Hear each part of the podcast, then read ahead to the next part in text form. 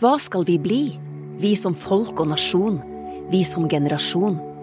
I ei tid full av utfordringer, men òg muligheter, la oss bli de som tok ansvar og styring, som skapte nye bransjer og næringer, som oppfylte håpet om bærekraftig vekst, som ville noe nytt, noe bedre, noe mer. NHH vil noe mer.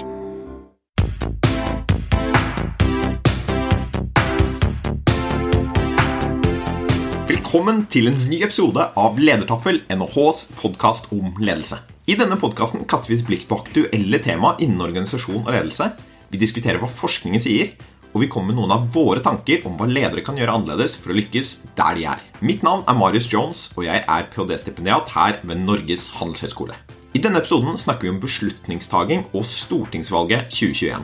Og vi har med oss Hallgeir Sjåstad, som er psykolog og førsteamanuensis ved NHH. Vi snakker om hvordan mennesker gjør valg, i hvilken grad vi er rasjonelle, hvilke feilkilder vi har i våre beslutningsprosesser, og hvordan vi kan gå frem for å gjøre et bevisst og godt stortingsvalg.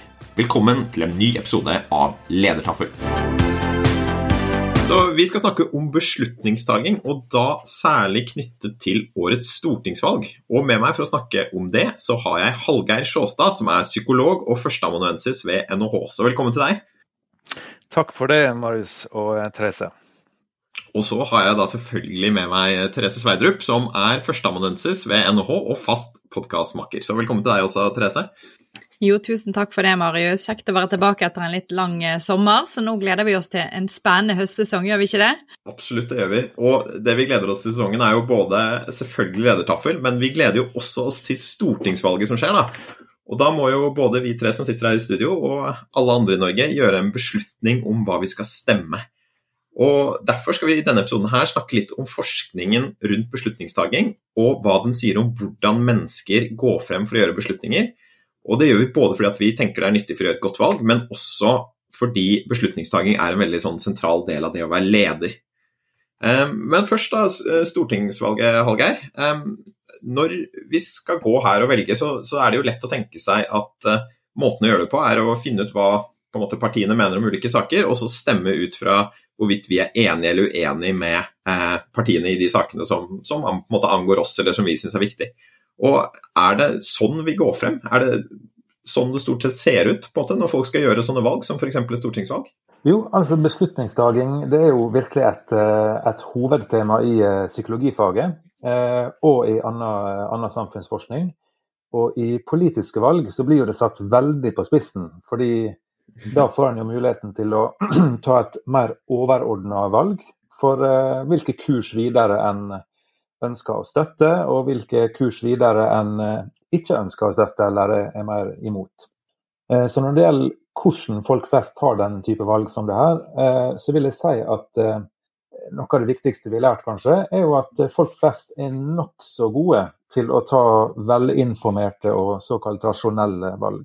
Til en viss grad, når vi tar politiske valg, så er jo det sånn at vi vi begynner med å tenke litt over hvilke preferanser vi har, hvilke verdier vi har, hvilke prioriteringer som er viktigst for oss. Og så prøver vi da å samle inn litt informasjon om hva de ulike partiene mener, kanskje. Eller kanskje vi sjekker litt ut hva er det de på høyresida mener, hva er det de på venstresida typisk mener, og hva er det de ulike sentrumspartiene typisk mener. Og Så tar vi det med oss inn i, inn i de beslut, den beslutninga som vi liksom lander på til slutt. Så, så, til en viss grad så går vi jo fram på den måten som mange vil tenke på som på en måte en, en rasjonell beslutning. ikke sant? Men der er et ja, men. Ja, det høres ut som det kommer et men. Ja. Riktig, eh, der er et men. Og det er jo at, eh, at eh, vi klarer likevel ikke å tenke på den måten her fullt ut. Eh, fordi vi har en rekke begrensninger. Rasjonaliteten vår er begrensa, tida vår er begrensa, motivasjonen vår er begrensa osv. Så, videre, og så, videre. så vi baserer oss også på en del andre faktorer enn den rent den, i hermetegn rasjonelle beslutningsprosessen. Her er det mye spennende som jeg tenker vi skal få kunne snakke litt om i dag. Eh, en av de faktorene jeg syns er mest eh, faglig interessante, som jeg tenker er viktig, spesielt viktig i politiske valg, det er det en kan kalle for identitet. Altså vi-et, altså det laget vi tenker vi hører til, og eh, den, det laget som vi identifiserer oss mest med, som vi tenker er litt sånn typisk meg. Eh, Enten typisk meg som den jeg er, eller kanskje typisk meg som den jeg ønsker å være. Altså Det, ligger en slags aspirasjon der uh, også.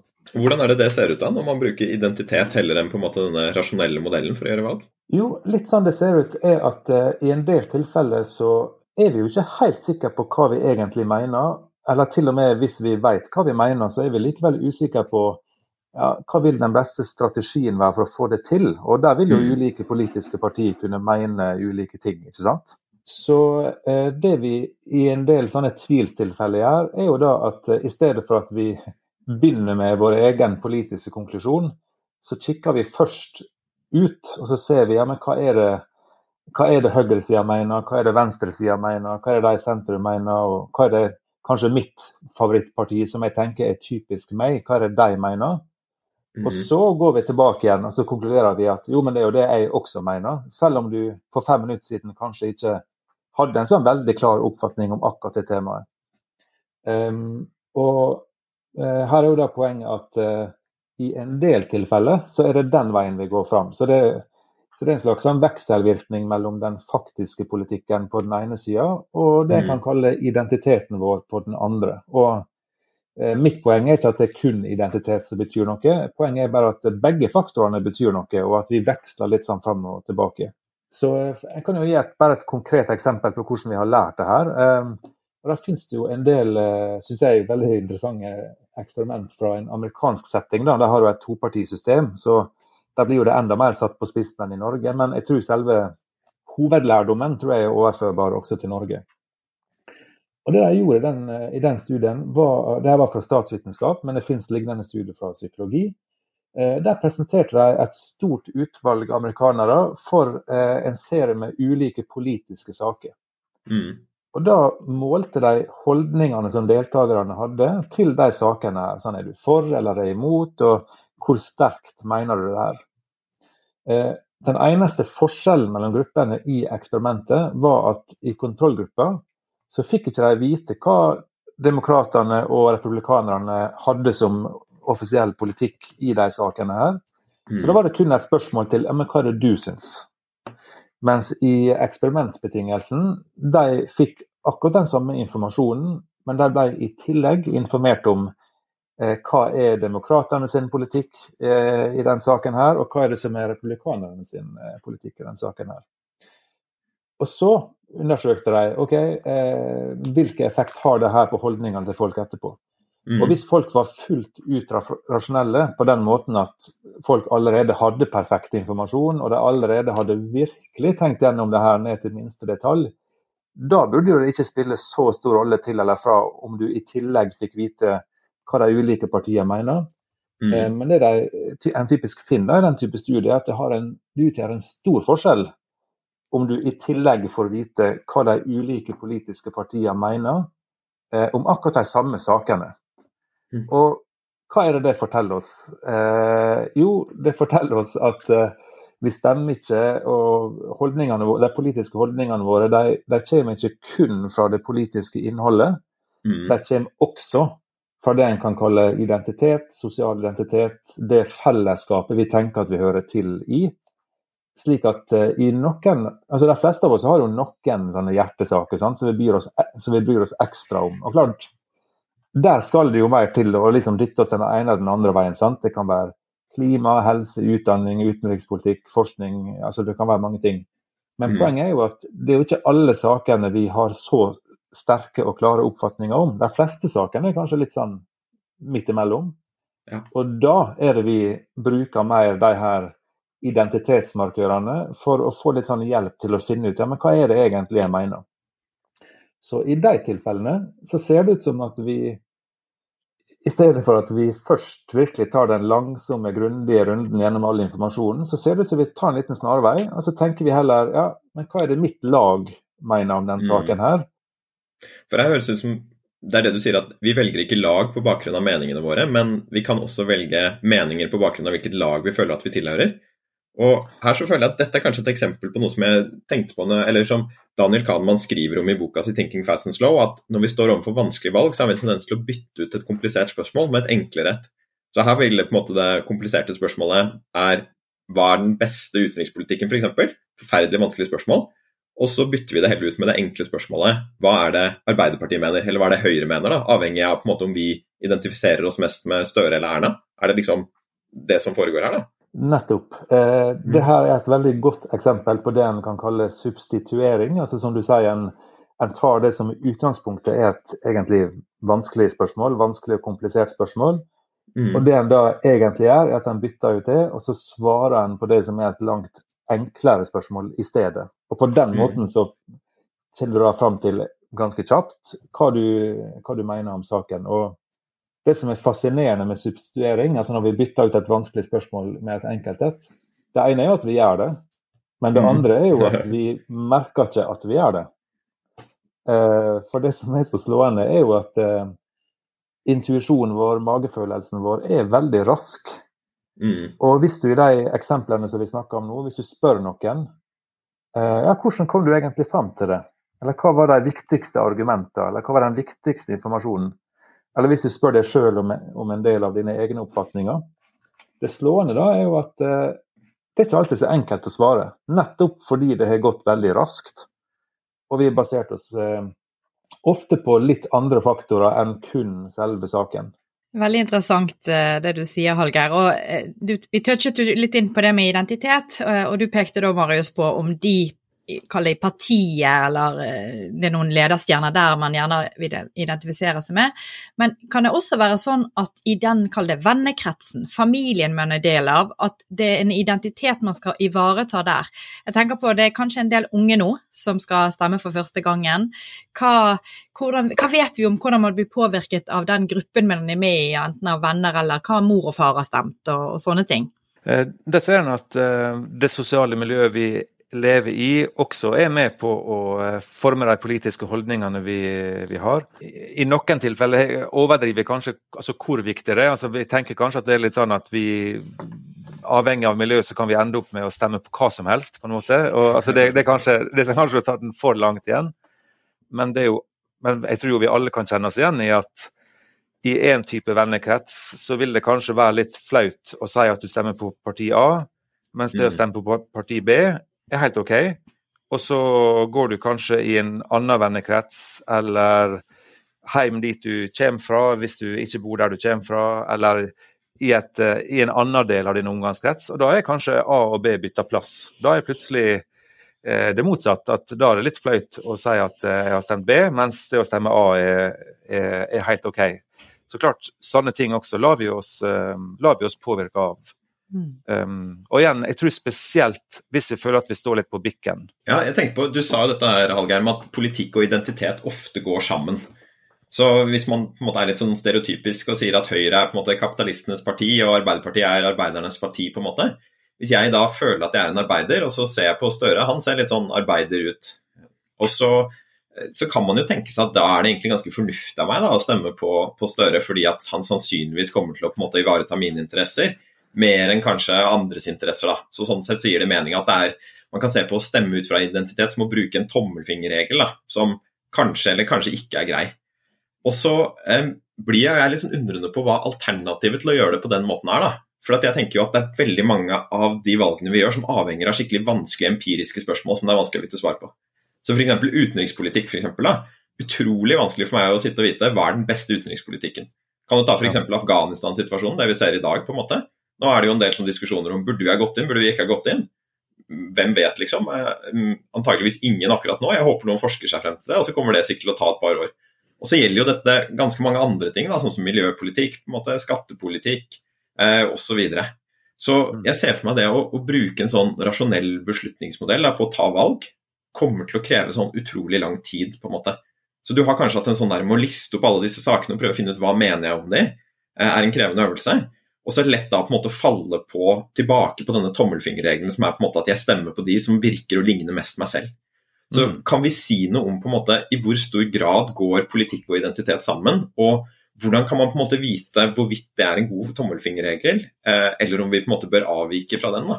Veldig, veldig godt spørsmål, eh, Marius. Jeg, jeg, tror det er litt avhengig av altså, hva slags identiteter vi, vi snakker om. Altså hva, hva det, det der identitets... Uh, fellesskapet kan, er bygd på. Eh, mm. Men jeg tenker jo at eh, det er veldig vanskelig for oss alle sammen å være fullt ut informert om hva alle partier faktisk står for, og ikke minst ikke bare hva som står i partiprogrammet, men hvilke type saker de faktisk vil prioritere i, i maktposisjon.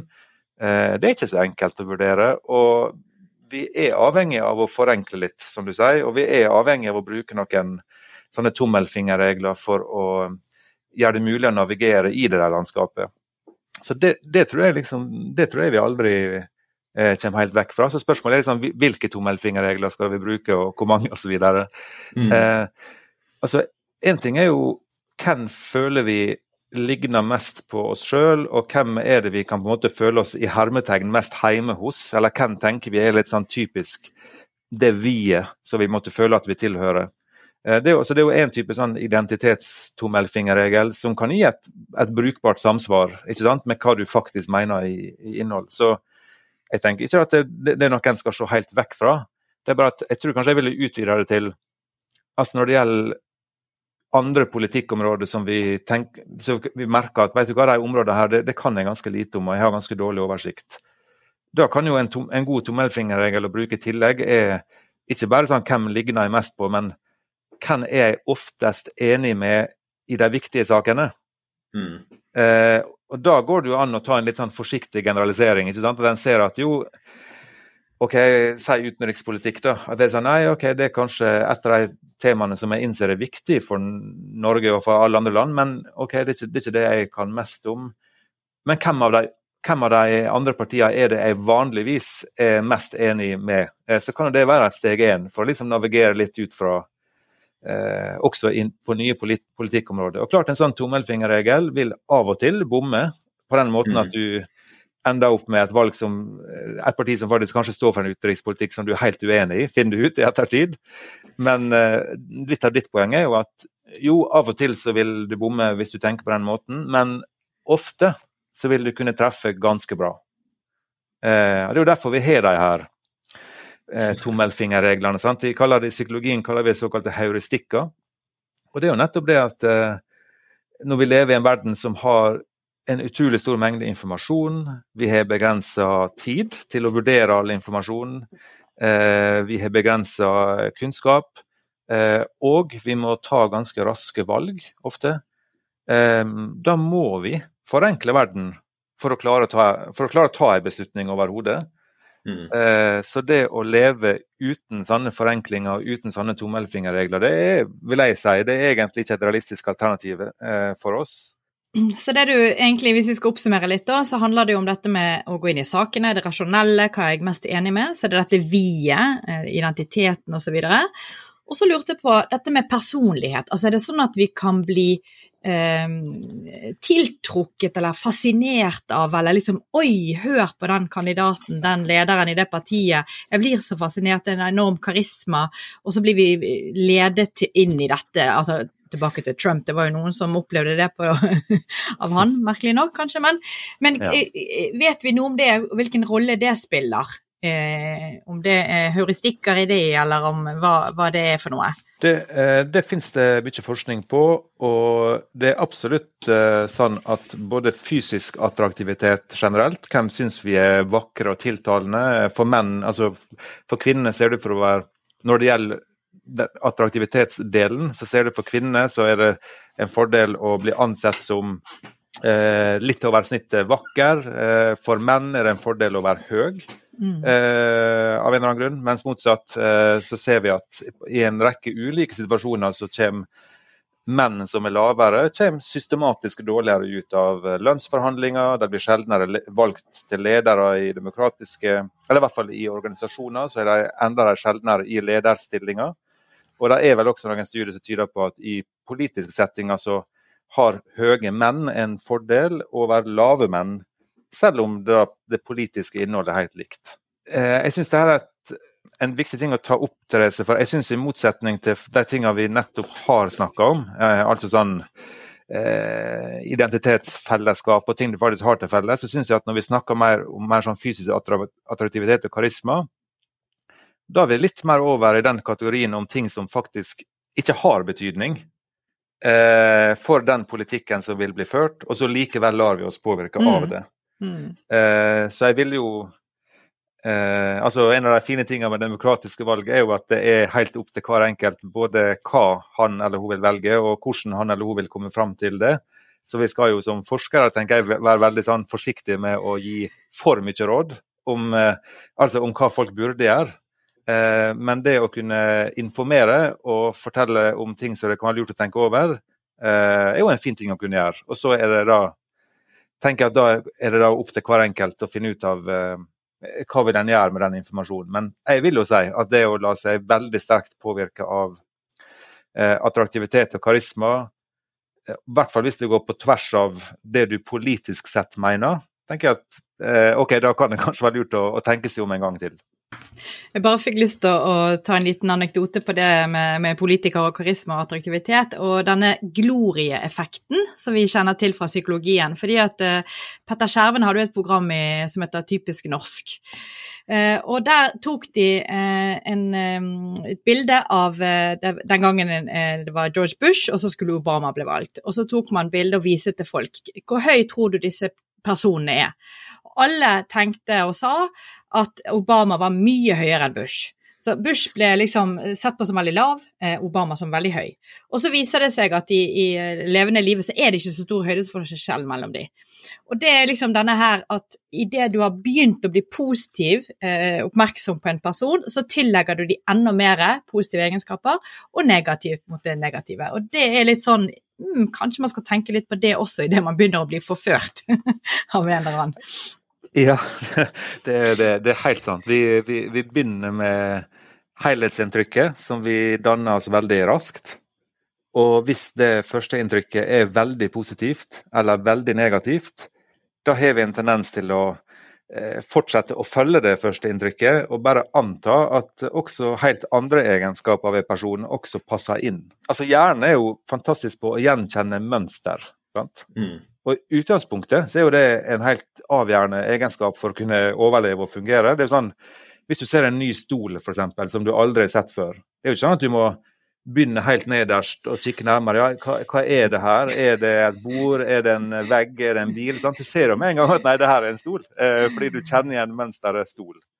Eh, og Mitt poeng er jo at eh, sånn er jo det også i det sosiale livet. altså Vi kjenner igjen ting veldig, veldig kjapt. Mm. Så utgangspunktet er jo det en veldig god evne vi har.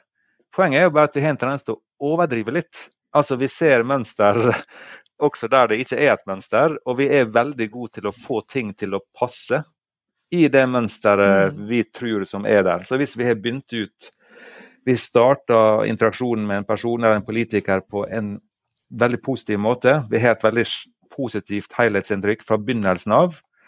Jo, da har vi veldig lett for å bare anta at men da passer sikkert alt det andre også. Da er sikkert alt det andre også positivt. Jeg lurer litt mer på disse her faktorene som vi vet påvirker oss, og som samtidig vi kan si med ganske stor sånn trygghet at er ganske irrelevante, som f.eks. utseendet.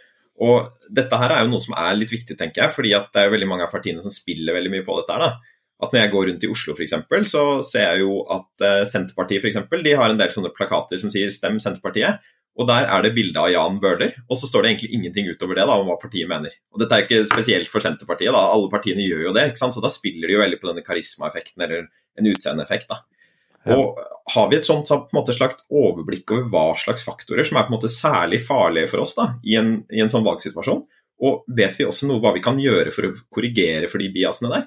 For der vet jeg at eh, Daniel Kahneman, som, som, vi kommer tilbake til, da, som er sentral i denne type eh, forskning da, på beslutningsteori og, og biaser og sånn, han virker å være ganske sånn skeptisk til sin egen evne til å klare å korrigere for disse på en måte skjevhetene. Så har du noen andre tanker Hallgeir, om hvilke faktorer er det som på en måte er irrelevante, men som påvirker oss, som vi bør se opp for når vi skal gjøre et stortingsvalg, og hvordan vi kan håndtere de? Vi har jo vært innom altså en, en, del av faktorene, føler jeg allerede. Men mm. det er jo mitt inntrykk er iallfall at til lengre unna vi er den faktiske politikken, til viktigere er det å prøve å ta et steg tilbake og tenke seg om en gang til. Hvilke politiske saker er det faktisk som er viktig for meg, og hvor godt stemmer faktisk de da med det den politikeren eller det partiet her står for. Eh, og jeg deler jo Kahneman sin generelle bekymring for at det her, altså det her er ganske vanskelige ting å overstyre. Nettopp fordi eh, den, den, appellen som enkelte ledere har, den naturlige karismaen som noen ledere har, den er veldig sånn umiddelbar. Altså, det er jo ikke noe du har kommet fram til ved en sånn langsom kost-nytte-vurdering, ikke sant? Det her er jo eh, heller det er mye mer følelsesdrevet. Det er drevet av det vi kaller intuisjon. Eh, det gir en slags umiddelbar gjenkjennelse. Sånn, ja, der er en sånn person, ja. Han eller hun er en sånn ledertype, tenker vi kanskje. Mm. Og Det bruker vi to sekunder på å finne ut av, sant? eller fem sekunder kanskje. Og så kan jo kanskje dere spørre meg ja, men hva, hva mener du med naturlig ledertype. Og så merker du at du veit ikke helt hva du egentlig har basert den beslutninga på. Så må du begynne å leite i ettertid. Sant? Jo, han, kanskje, han eller hun er kanskje tillitsvekkende og god på samarbeid. Altså, sant? Du, må, du må liksom eh, finne forklaringene i ettertid, fordi du har allerede bestemt deg. Den magefølelsen kan i gjennomsnitt treffe bedre enn rent myntkast. Så jeg tror jo at intuisjonen vår klarer å fange opp noe informasjon som ligger ute der, som faktisk har en verdi. Så jeg er mm. ikke blant de som tenker at intuisjonen vår er liksom verdiløs, eller at vi bør se helt vekk fra det. Så mitt poeng er vel bare litt sånn den kjedelige middle of the road-posisjonen. At eh, jo, vi får noe informasjon derifra, men vi, men vi overdriver litt hvor treffsikker den faktisk er. Og det var sånn, Jeg snakket jo jeg snakket med en person som jeg sa sånn Det er helt utrolig, Hallgeir, altså, men sånn, førsteinntrykket mitt det stemmer veldig ofte. Mm. Jeg var, ja, hva tenker du da? Nei, når jeg først bare har fått med et, eh, et, et helhetsbilde av personen, som jeg ofte får veldig tidlig, da, blir, da tar jeg veldig sjelden feil, finner jeg ut. Det, det er veldig ofte sånn. og da kan en jo spørre seg jo, men eh, hadde du mer, Hvis du føler deg så sikker så fort, eh, kan det være at du kanskje overser eh, de gangene du faktisk tok feil, og den personen endte opp med å være veldig annerledes enn du, enn du tenkte. For Det er jo det som er litt utfordringen her. da, at Når jeg først har sett Jan Bøhler på den plakaten, på en måte, og han ser sterk og stram ut og alt mulig som jeg vil ha en politiker, så leser jeg det partiprogrammet til, eh, til Senterpartiet på internett, og så ser jeg på sakene og så tenker jeg jøss, dette var jo en fantastisk god politikk. Så det der på en måte fra et førstepersonsperspektiv da klarer å skille hva er egentlig grunnene til at jeg mener det jeg mener, er jo det som er den krevende øvelsen her, da, som kanskje gjør dette her så utrolig vanskelig og nøstig. Hvis jeg forstår det riktig, Algeir?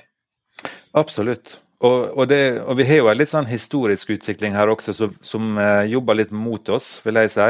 Uh, på den måten at politikken har jo blitt bare mer og mer personfokusert. Mm. mm. Eh, det var jo en sosiolog, det er blitt 20 år siden, tror jeg, som skrev om liksom, the, fall of, the, fall of the public man.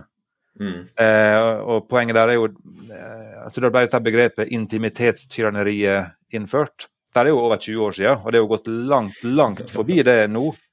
Men eh, litt av poenget der var jo nettopp at en hadde fått en type politikk og en type offentlighet som vil mer og mer ha liksom, eh, hjemme hos-reportasjer. En ser jo det veldig nå i valgkampen. Mm. Og en vil veldig gjerne ha liksom, personen fram der, og en vil ha følelsene til politikeren blir plutselig veldig viktig å vite mye om poenget i det som en litt sånn forsiktig kritikk, eller i hvert fall noe å, en sånn systemkritikk, er jo å tenke seg litt om at når vi har gått så langt den veien, så blir jo det veldig vanskelig å faktisk ha oversikten over ja, men hva mener de faktisk? Altså hva, hva, slags politikk er det jeg stemmer på, hvis jeg stemmer Høyre eller Arbeiderpartiet eller Venstre eller SV eller eh, MDG eller KrF?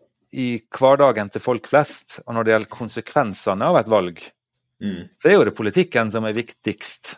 Så er det mm. sånn, jo, Personfaktoren den kan kanskje ha litt å si for hvor mange du klarer å få med deg på laget, og for samarbeidsevner dine kanskje, og slike ting, så det er ikke irrelevant. Men det som har størst betydning for folk flest i hverdagen, det er jo eh, hvordan er barnehagen som barna dine går i, hvordan fungerer skolen, hvordan er helsevesenet, hvordan er veiene du kjører på, hvordan er kollektivtilbudet. Men vi har blitt eh, vi har blitt mer og mer personfokuserte, og jeg tror at det har gjort det vanskeligere for folk flest å faktisk danne seg sin egen oppfatning. Hva, hva, er jeg egentlig for og imot, og hvem er jeg mest og minst enig med? Det blir, det blir litt sånn det går, akkurat som det går litt under Det er akkurat som selve politikken av og til blir litt sånn i mm. bakgrunnen, og så handler det om personen Erna Solberg og personen Jonas Gahr Støre sånn personlig oppfatning her for min del er at jeg, jeg, tror kanskje vi har gått et par steg for langt den veien, og at vi kanskje bør ta selve politikken litt mer tilbake. Veldig bra. Jeg tenker jo at vi, vi, har fått en del input nå fra deg, Hallgeir, på at vi kanskje kan gå i noen feller her. Eh, på at vi kan se for mye på person, eh, personligheten til folk, karismaen, og kan la oss forlede. Og at hvis vi skal eh, prøve å gi noen gode råd, eh, tenke på de eh, kanskje tommelfingerreglene, eller heuristikkene du tar som vi hopper litt for lett på, men at eh, kjenn på de sakene man brenner for. Eh, finn ut hvem kan representere de på en best mulig måte for meg. Og så tror jeg likevel, som du sier, det med den faktoren, tror jeg, eller har jeg tillit til at denne personen, eh, dette partiet, kan gjennomføre det, må jo få lov å være en, en faktor, hvis vi skal prøve å oppsummere. Hva tenker du? Eh, absolutt. Eh, for det er jo mer på, på gjennomføringsevnedelen, som jeg også tenker det er mm. er naturlig å ha med. Men det der syns jeg er en god, eh, en god, oppsummering Therese, om noe som kan være til hjelp. Og, og, og, ta det steget tilbake og prøve å få litt oversikt over hva som egentlig er viktigst for deg. Og så gå tilbake igjen til mm. partiene og eh, politikerne og valget og prøve å se okay, hva, hvem er det som ser ut til å stemme best. da. Kult. og Vi skal ta med oss noen av disse tingene vi har snakket om nå over i del to av denne episoden, som begynner her. og Det er å snakke litt mer om hvordan dette her kan være relevant for ledere i det daglige.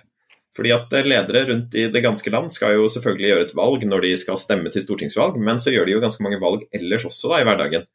Og Er det noe av det vi har snakket om så langt, da, om på en måte dette med heuristikker og at ting som påvirker oss kan være mer eller mindre relevant for det vi egentlig prøver å, å forstå, som, som, kan være nyttig for ledere når de skal ta beslutninger i det daglige? Hallgeir? Ja, eh, jeg tror det. Eh, fordi eh, ledere er folk, de også. Og de tingene vi snakker om nå, er jo veldig grunnleggende menneskelige ting i den psykologien som vi alle har til felles. Av og til kan det være en slags oppfatning av at hvis en snakker om forskning fra psykologi, fra atferdsøkonomi, fra ledelse, fra andre fagfelt. En prøver å si noe om ok, hvordan er det de store mønstrene ser ut der, hva er det liksom, dataene har, har lært oss så er det mange som vil kunne si jo, men eh, led, altså kompetente ledere gjør jo ikke de dumme feilene her. Altså, de, er jo så, de er jo så flinke og erfarne og godt utdanna og kloke hva det måtte være. Så det er vel ikke de du snakker om, Hallgeir. Det er vel liksom gjennomsnittspersonen eller studentene eller noen andre enn en de som sitter på toppen. Men forskningsmessig er jo det veldig lite som tyder på at ledere er veldig forskjellige fra oss andre. Så bare det eksempelet vi snakka om i stad, om eh, forskjellen altså, mellom politikk og identitet. Mm.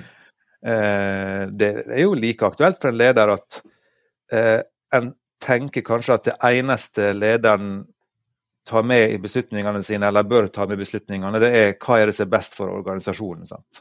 Hva vil være den beste strategien og den beste måten å, inn, å prøve å eh, gjennomføre den strategien liksom i det neste tiåret for min organisasjon eller min bedrift. Det er jo sånn, Fra et rasjonelt perspektiv er det det som burde være hovedfokuset for en leder. Sant? Men så vil jo helt sikkert dere begge kunne bekrefte at jo, det er én del av informasjonsgrunnlaget når en leder tar beslutninger, men også en leder bryr seg om identitet. Eh, hvem lederen tenker på som sin inngruppe, altså vi-et, som den lederen måtte identifisere seg med. Hvem tenker den lederen på som de andre, altså utgruppen, de som vi ikke liker så godt, eller kanskje har hatt en konflikt med en gang, eller altså er i en konkurransesituasjon med. Eh, og eh, lederen også er avhengig av å forenkle eh, verden og bruke noen tommelfingerregler for å klare å ta de beslutningene. Og Det er jo et sånt begrep der da, som vi har brukt en del nå, som det kanskje går an å si litt mer om. og Dette er med sånn tommelfingerregler eller en sånn heuristikk. da. Og det er jo litt sånn uenighet på fagfeltet om beslutningstaking om flere ting, men det virker som det er ganske stor enighet på en måte at heuristikker er måten vi mennesker stort sett går frem på når vi skal ta beslutninger. Og Man kan jo se veldig mange av de der tingene som vi refererer til nå, f.eks. som identitet, da, som en, en, type heuristikk, på en måte, å gjøre valg basert på det. da. Um, kanskje vi skal liksom, Bare for å på en måte kartlegge litt sånn fagbegrepene her som vi bruker, da, så, så er jo heuristikker også kanskje knyttet til dette med begrenset rasjonalitet.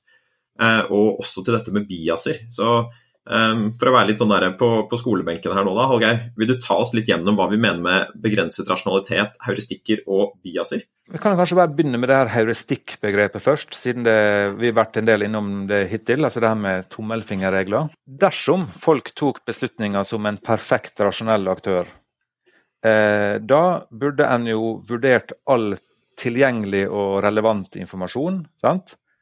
Og ut fra de preferansene du har og de målene du har, jo, så burde en vurdert alle valgalternativer opp mot hverandre for å kunne gjøre en slags beregning av, av alle valgalternativ. Hvilke av de fem eller ti eller 50 alternativene jeg har, vil gi den høyeste forventningsverdien for meg. Mm. Ikke sant? Så det forutsetter jo både at folk vet hva de vil, de vet hva preferanser og mål de har, og det forutsetter at de er i stand til å vurdere alle valgalternativer og all informasjon som er relevant, for å kunne liksom velge den beste kursen videre. Det er en viktig bakgrunn fordi eh, heuristikker, det begrepet bruker vi for å si hva folk gjør i stedet. Altså, mm. Den første beskrivelsen er jo hvordan eh, tar en et valg hvis det er fullt ut rasjonelt, som er mulig i noen tilfeller hvis vi har mye tid og ekspertise og eh, gode data tilgjengelig. Men poenget så er vi, vi er i stand til å tenke sånn, men det meste av tida gjør vi ikke det. Eh, fordi vi har for eh, lite tid, vi har for lite eller for mye informasjon. Hjernen har begrensninger, arbeidsminnet har begrensninger. Motivasjonen vår har begrensninger, og derfor må vi ta Derfor tar vi ofte raske beslutninger på et tynt informasjonsgrunnlag. Ofte. Så en heuristikk, da, hva er det? Jo, da velger vi, i stedet for å prøve å vurdere alle valgalternativ og all informasjon, så bruker vi en slags tommelfingerregel, og så følger vi den i stedet. Så Et eksempel, et enkelt eksempel kan være hvordan vi vurderer risiko. Hva slags tommelfingerregel bruker vi der? Jo, eh, en den heter altså tilgjengelighetsheuristikken, eller availability på engelsk. Det handler om at en måte vi vurderer risiko på, det er hvor lett er det å huske et lignende tilfelle? Altså hvor lett er det å hente fram en lignende situasjon fra eh, langtidshukommelsen din? Eh, eller hvor lett er det å visualisere, altså se for seg, at det her kan skje? Og Da fungerer vi ofte sånn at til lettere vi syns det er å huske noe lignende, eller til lettere vi syns det er å se for oss at det her kan skje, jo til mer sannsynlig føles det. Og det er faktisk en ganske god tommelfingerregel å bruke, fordi den er basert på hukommelsen vår, og hukommelsen vår har jo mye relevant informasjon. sant? Problemet er bare at den gir visse systematiske skjevheter, fordi vi husker enkelte ting bedre enn andre. F.eks. Eh, ulike minner som har en veldig sterk affekt tilknyttet seg, altså noe som har vekt sterke følelser, mm. det husker oss mye bedre enn andre situasjoner som kanskje var like farlige, men som ikke vekker den samme umiddelbare frykten i oss, f.eks. Så et sånn Lærebokeksempelet er jo eh, terrorisme og haiangrep.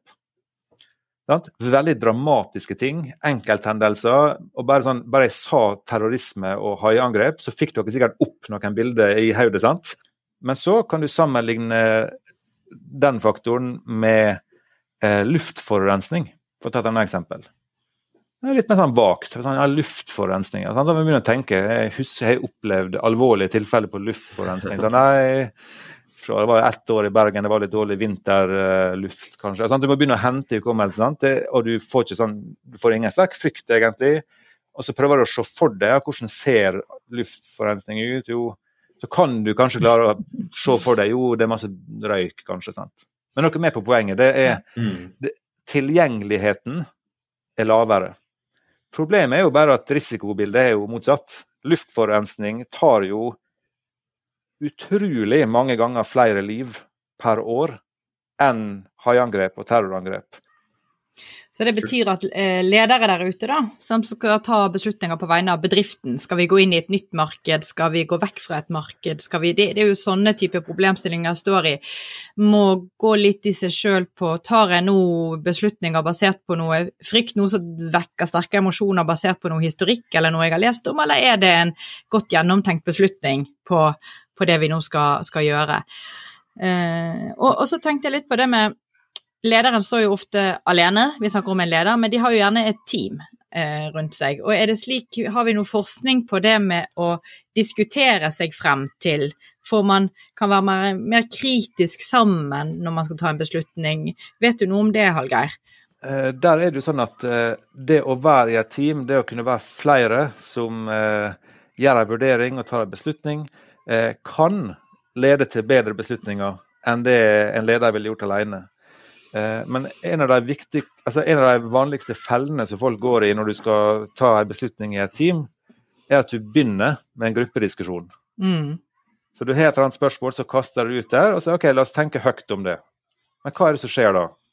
Jo, hvis du er fem personer da, som kunne gitt veldig verdifulle individuelle bidrag, hvis de bare fikk lov å tenke seg litt om først, det som skjer i stedet, er at uh, den som snakker høyest eller mest, den personen begynner å snakke. Og så blir én eller to personer veldig dominerende for det gruppen finner ut av.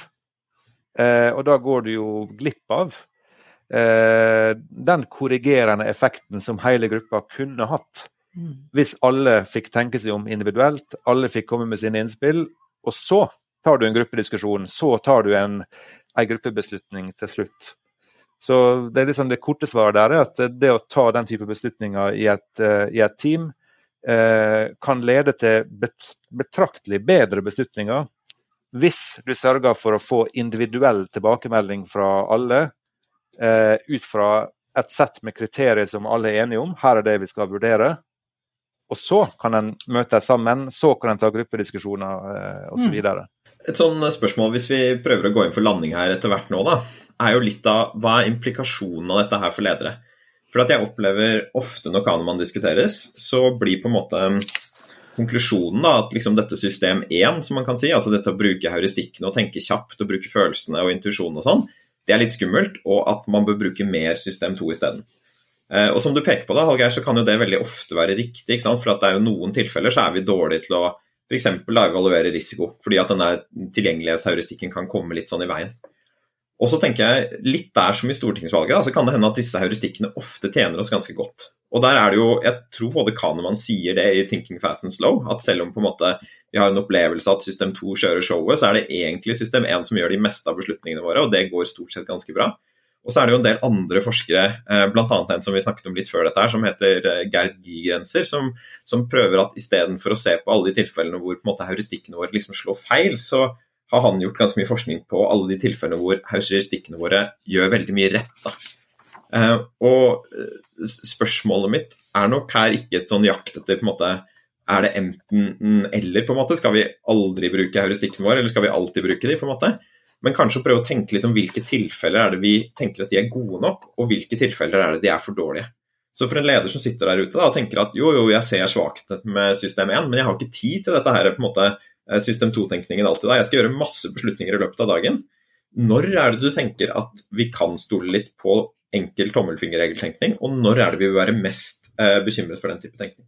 Eh, jeg tenker Et nøkkelspørsmål er kompleksiteten i beslutningene. Det ene er kompleksiteten, og det andre er hvor mye står på spill, eller hvor store er konsekvensene. Jeg tenker at Det er veldig viktig for en leder å kunne ta rimelig raske beslutninger og holde ulike prosesser i gang. Eh, holde, eh, holde kursen oppe eh, det meste av tida. Og så mer innimellom slakke ned og skru på den mer grundigere, langsomme måten å tenke på når en ser at her er det en komplisert beslutning mm. som, har store nei, som har store konsekvenser. Så av, jeg tror noe av kunsten der er jo det en kan kalle problemgjenkjenning. Altså det at den kan prøve å øve opp evnen til å altså Det er litt sånn pick your fights-tilnærming. Altså Ingen kan tenke veldig grundig og langsomt gjennom alle valg og beslutninger, så det har ikke vi kapasitet til. Eh, men de fleste av oss kan tenke på den måten eh, innimellom, når det er beslutninger så vi ser at ok, det her er faktisk det her er spesielt viktig. Så det å kunne holdt på å si, eh, få en slags konsensus innad i organisasjonen om hva er på en måte de litt sånn overordna strategiske beslutningene som har størst betydning. Mm. Og hvilke er mer sånn drift fra dag til dag, uke til uke, som kanskje ikke spiller så stor rolle til eller fra. Slik at en kan kjenne igjen de her eh, beslutningene med høy kompleksitet og store konsekvenser. Sånn at en vet når en skal bremse ned, når en skal koble på flere folk, når en skal samle inn uh, mer informasjon uh, osv. Og Jeg vil jo bare òg slå et slag da for det du sa litt i sted, eh, Hallgeir. Eh, ofte sitter de i lederteam, og da kommer jo hele prosessen med hvordan man da sitter i det lederteamet og diskuterer inn. Og at det skal man ikke bare heller la bare skure og gå, men ha en systematisk tilnærming til hvordan man diskuterer problemer. Eh, skal man tenke litt individuelt først, så komme inn eh, hvordan prosessen ledes, tror jeg òg vil være mye å hente på. Så jeg tenker, hvis en skal gi et litt sånn hvis en skal bli enda mer konkret, da, hva skal en da gjøre sammen? Når en skal prøve å bremse litt ned og tenke litt mer systematisk for å ta bedre valg. Eh, så tenker jeg jo at en av de beslutningsfellene som det kan være mest utfordrende eh, for ledere å unngå, da kan jeg trekke fram to, så kan dere se hva dere syns er mest relevant. Det ene er bekreftelsesfellen, mm. og det andre er urealistisk optimisme. Eh, vi har vært litt inne på. Det er bare det en kaller confirmation bias på engelsk. Det er kanskje den kraftigste skjevheten vi har, eh, hvis jeg skulle gjette. Eh, og det er bare tendensen til å systematisk og selektivt oppsøke informasjon som passer best med det du allerede tror. Mm. Og så unngår du informasjon som kan komme til å få deg til å skifte mening. Og til og med hvis du blir eksponert for den informasjonen, så er det en tendens til å tillegge det mindre vekt. Så et godt øvingsspørsmål kan jo være å stille deg sjøl spørsmålet når skifta du sist mening i mhm. et viktig spørsmål? Og De fleste av oss vil merke ganske raskt at de må tenke litt for å huske sist gang de virkelig skifta mening i et viktig spørsmål. Og Grunnen til det er jo nettopp fordi det meste av tida så gjør ikke vi det. Det meste av tida så fortsetter vi å forfølge den oppfatninga, den hypotesen vi måtte ha fra før. Eh, og at vi ikke skifter mening, og at vi ikke oppdaterer oppfatningene våre i tråd med ny informasjon, sjøl når vi burde gjøre det. Den andre beslutningsfella er det en kaller urealistisk optimisme, som er ganske nært ting jeg forsker på. Det handler om hvordan vi tenker om oss sjøl og framtida. Mm. Og det handler bare om at, uh, egentlig at gjennomsnittspersonen tenker at han eller hun har en uh, høyere sannsynlighet for at gode ting vil skje uh, enn gjennomsnittspersonen. Og uh, en lavere sannsynlighet enn gjennomsnittspersonen for at dårlige ting vil skje. Og vi tenker vi er bedre sjåfører, vi er bedre venner, vi er bedre partnere, vi er bedre medarbeidere, vi er bedre ledere enn gjennomsnittspersonen. Men selvfølgelig, gjennomsnittspersonen kan ikke være over gjennomsnittet. Så vi har en slags urealistisk optimisme på egne vegne. Og det her ser vi særlig når folk skal legge planer og folk skal tenke på framtida. Det skjer nesten aldri at ting tar mindre tid enn en trodde.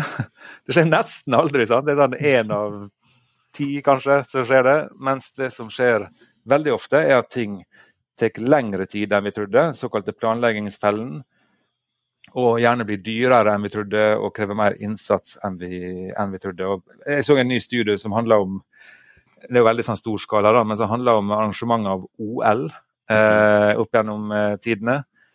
Og den studien fant at fra 1960 til i dag så har alle sommer-OL eh, gått langt over budsjettet.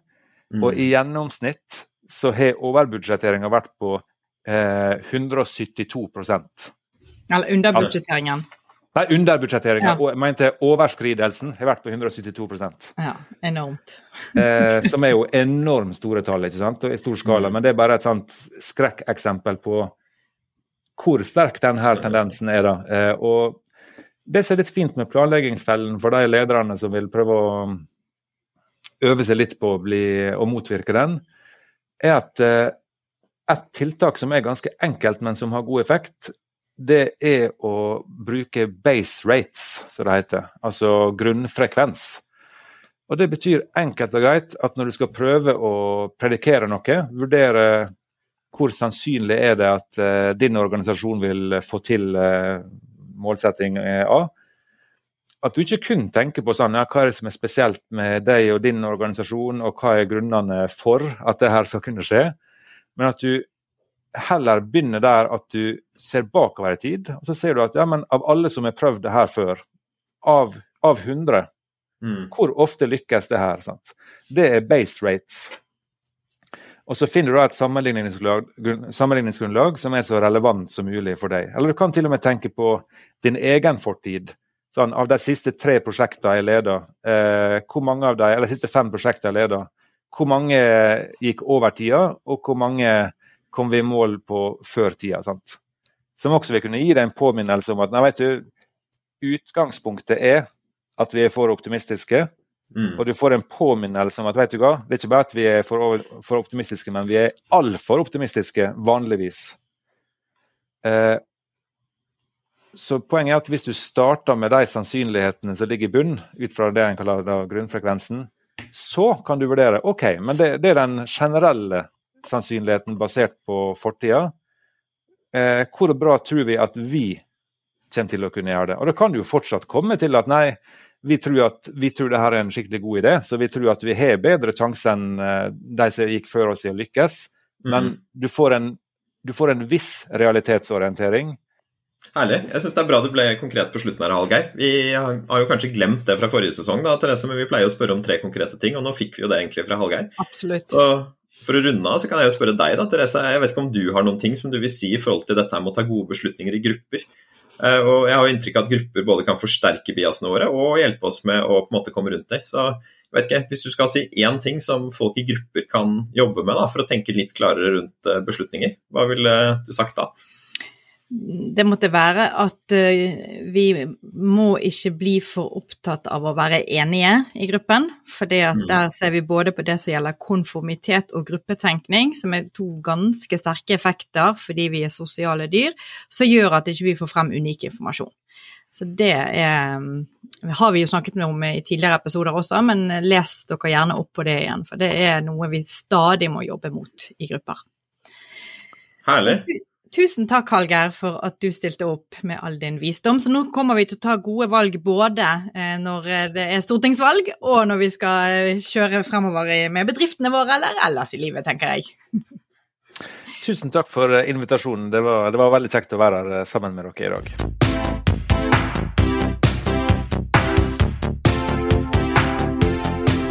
Du har nå hørt en ny episode av Ledertaffel, NHHs podkast om ledelse. I studio i dag var Hallgeir Sjåstad, Therese Sverdrup og jeg, Marius Jones. Om du vil vite mer om hva vi holder på med på Norges handelshøyskole, så finner du oss på nhh.no og ved å søke på NHH på Facebook. Vi høres!